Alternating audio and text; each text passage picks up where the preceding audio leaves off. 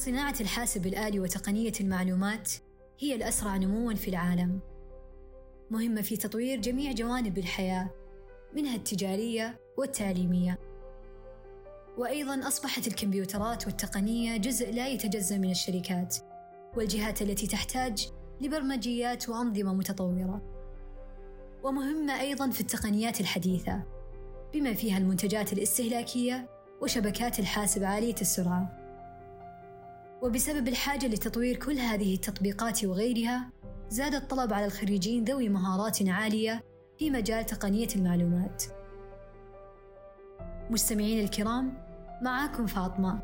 واليوم بنتكلم عن كلية علوم الحاسب وتقنية المعلومات.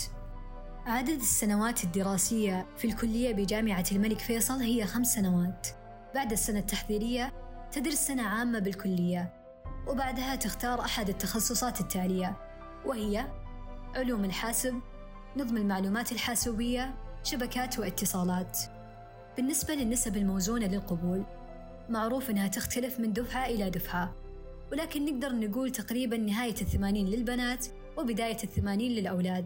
وعدد الساعات المعتمدة لكل التخصصات هي 134 ساعة. وأيضا كل تخصصات الكلية معتمدة اعتماد أكاديمي. من هيئة الاعتماد الأكاديمي للهندسة والتقنية بالولايات المتحدة الأمريكية المعروفة بأبت. وبعد السنة العامة في الكلية راح تكون الرؤية واضحة قدامكم بإذن الله وتقدرون تختارون تخصصكم المناسب. والحين راح أتكلم عن تخصصي علوم الحاسب بشكل خاص وقد تنطبق بعض الأمور على باقي التخصصات. بداية في تخصص علوم الحاسب بشكل عام. ندرس كل مجالات علم الحاسب مثل الأمن السيبراني الذكاء الاصطناعي علم البيانات هندسة البرمجيات الشبكات نظم المعلومات وإلى آخره من المجالات الكثيرة.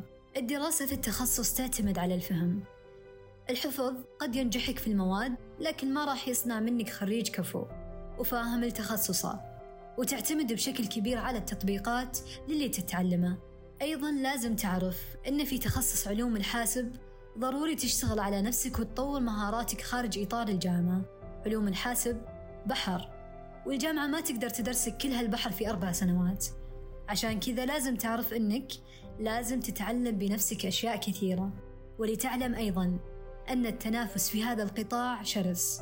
البرمجة مهمة في التخصص وجزء من كل أو أغلب مواد التخصص. ولكن التخصص ممتع جدا وفيه تحديات كثيرة. المجال للإبداع مفتوح والكلية تشجع المبدعين.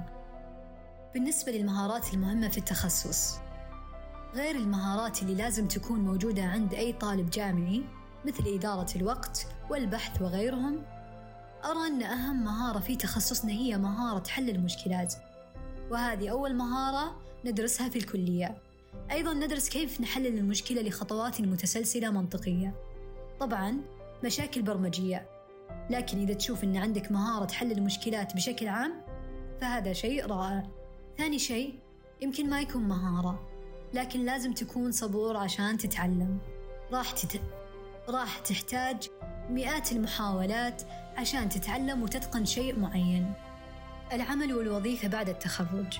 يقال البيانات وتقنية المعلومات هي نفط المستقبل. وأكيد كلنا نشهد كيف أصبح التحول الرقمي على مستوى العالم وعندنا في المملكة بشكل خاص. أما بالنسبة لأماكن العمل فكونك خريج علوم حاسب الفرص الوظيفية متاحة لك في جميع القطاعات الحكومية والخاصة وتقدر تحدد المسمى الوظيفي لما بعد التخرج على حسب توجهك بحيث ممكن تكون محلل نظم أو مطور مواقع وتطبيقات أو أخصائي أمن معلومات أو مهندس تطبيقات. وهذه أبرزها والأكيد غير ممكن حصرها. ختاماً تخصصات تقنية المعلومات. هي الأولى على قائمة تخصصات الرؤية. وقطاع تقنية المعلومات هو أحد القطاعات التي نطمح في بلادنا للصعود عالميا بها. لذا فلنعمل جميعا في خدمة وطننا الغالي ونذهب به نحو القمة. مستمعينا الكرام معكم فاطمة في بودكاست شعاع.